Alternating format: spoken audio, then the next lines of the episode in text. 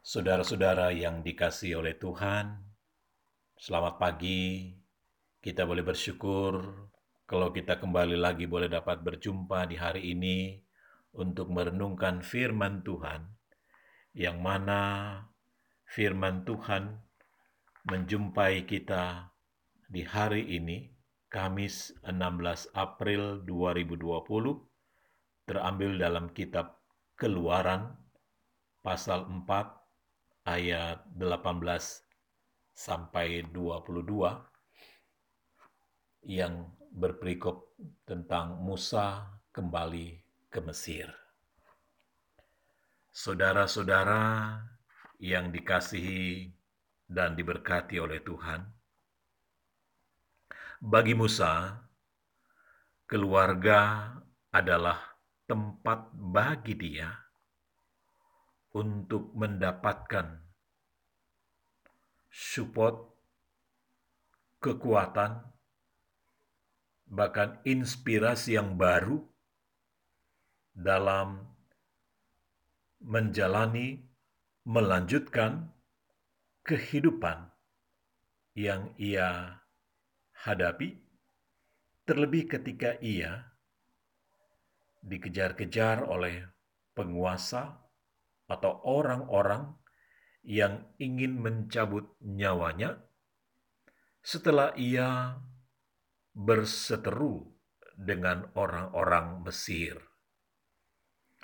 sehingga membuat Musa harus lari dari Mesir ke tanah Midian, yaitu tempat mertuanya Yitro berada. Di sini terlihat kalau Musa itu dapat membangun sebuah kehidupan yang baik dengan mertuanya sehingga ia juga mendapat support dan perhatian yang besar dari mertuanya Yitro ketika ia mengatakan kepada Musa untuk kembali ke Mesir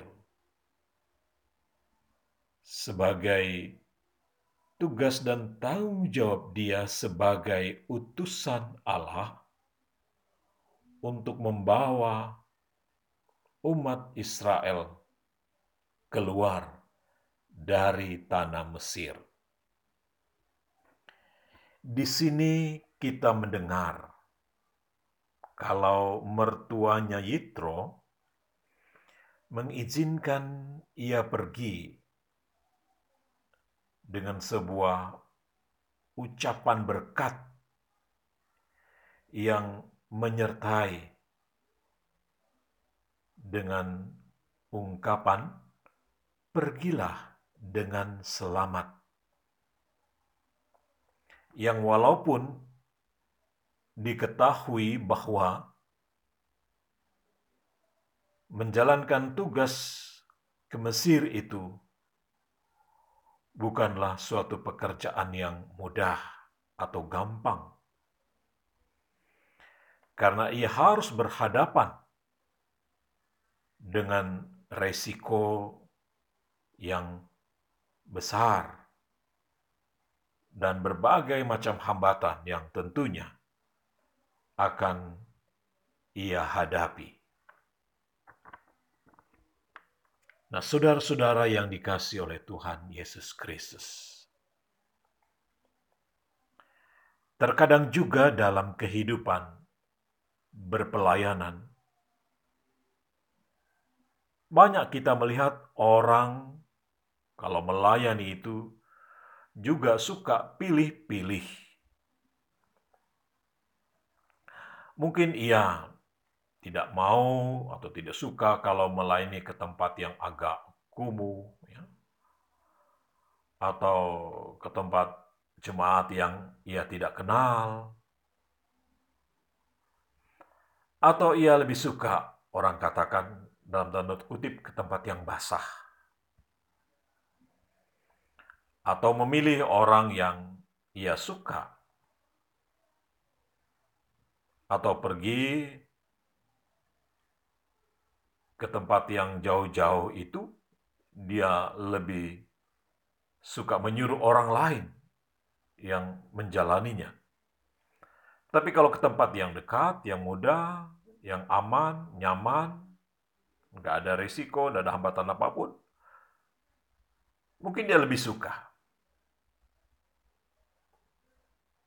Saudara-saudara yang dikasih Tuhan, jika Musa harus memilih, mungkin ia tidak akan mau kembali ke Mesir.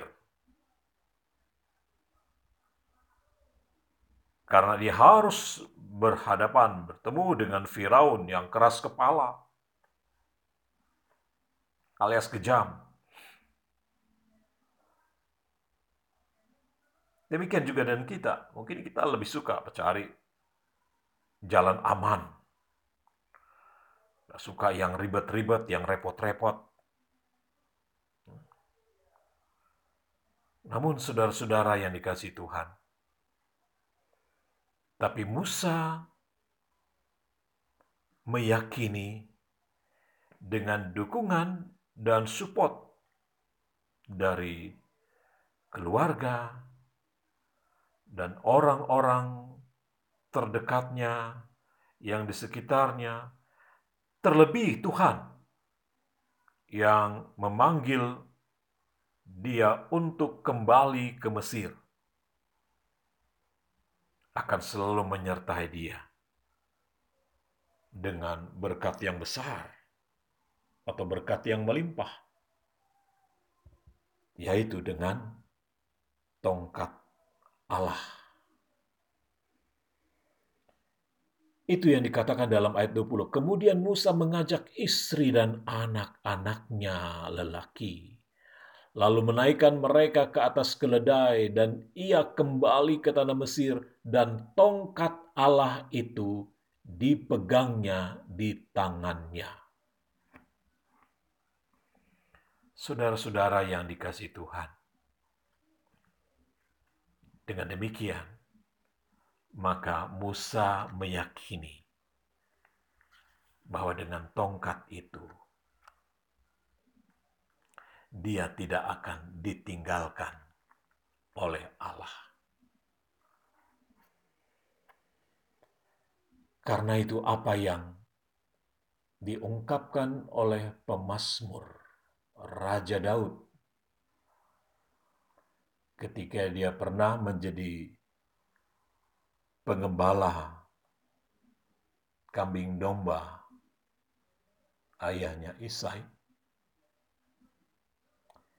Salah satu yang ia pegang untuk menjaga domba-domba itu selalu tetap aman, nyaman, terlindungi dari binatang buas, yaitu tongkat. Karena itu saya teringat penggalan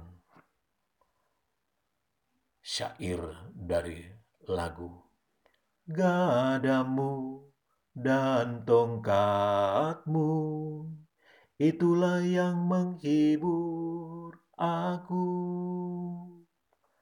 Jadi saudara-saudara yang dikasih Tuhan,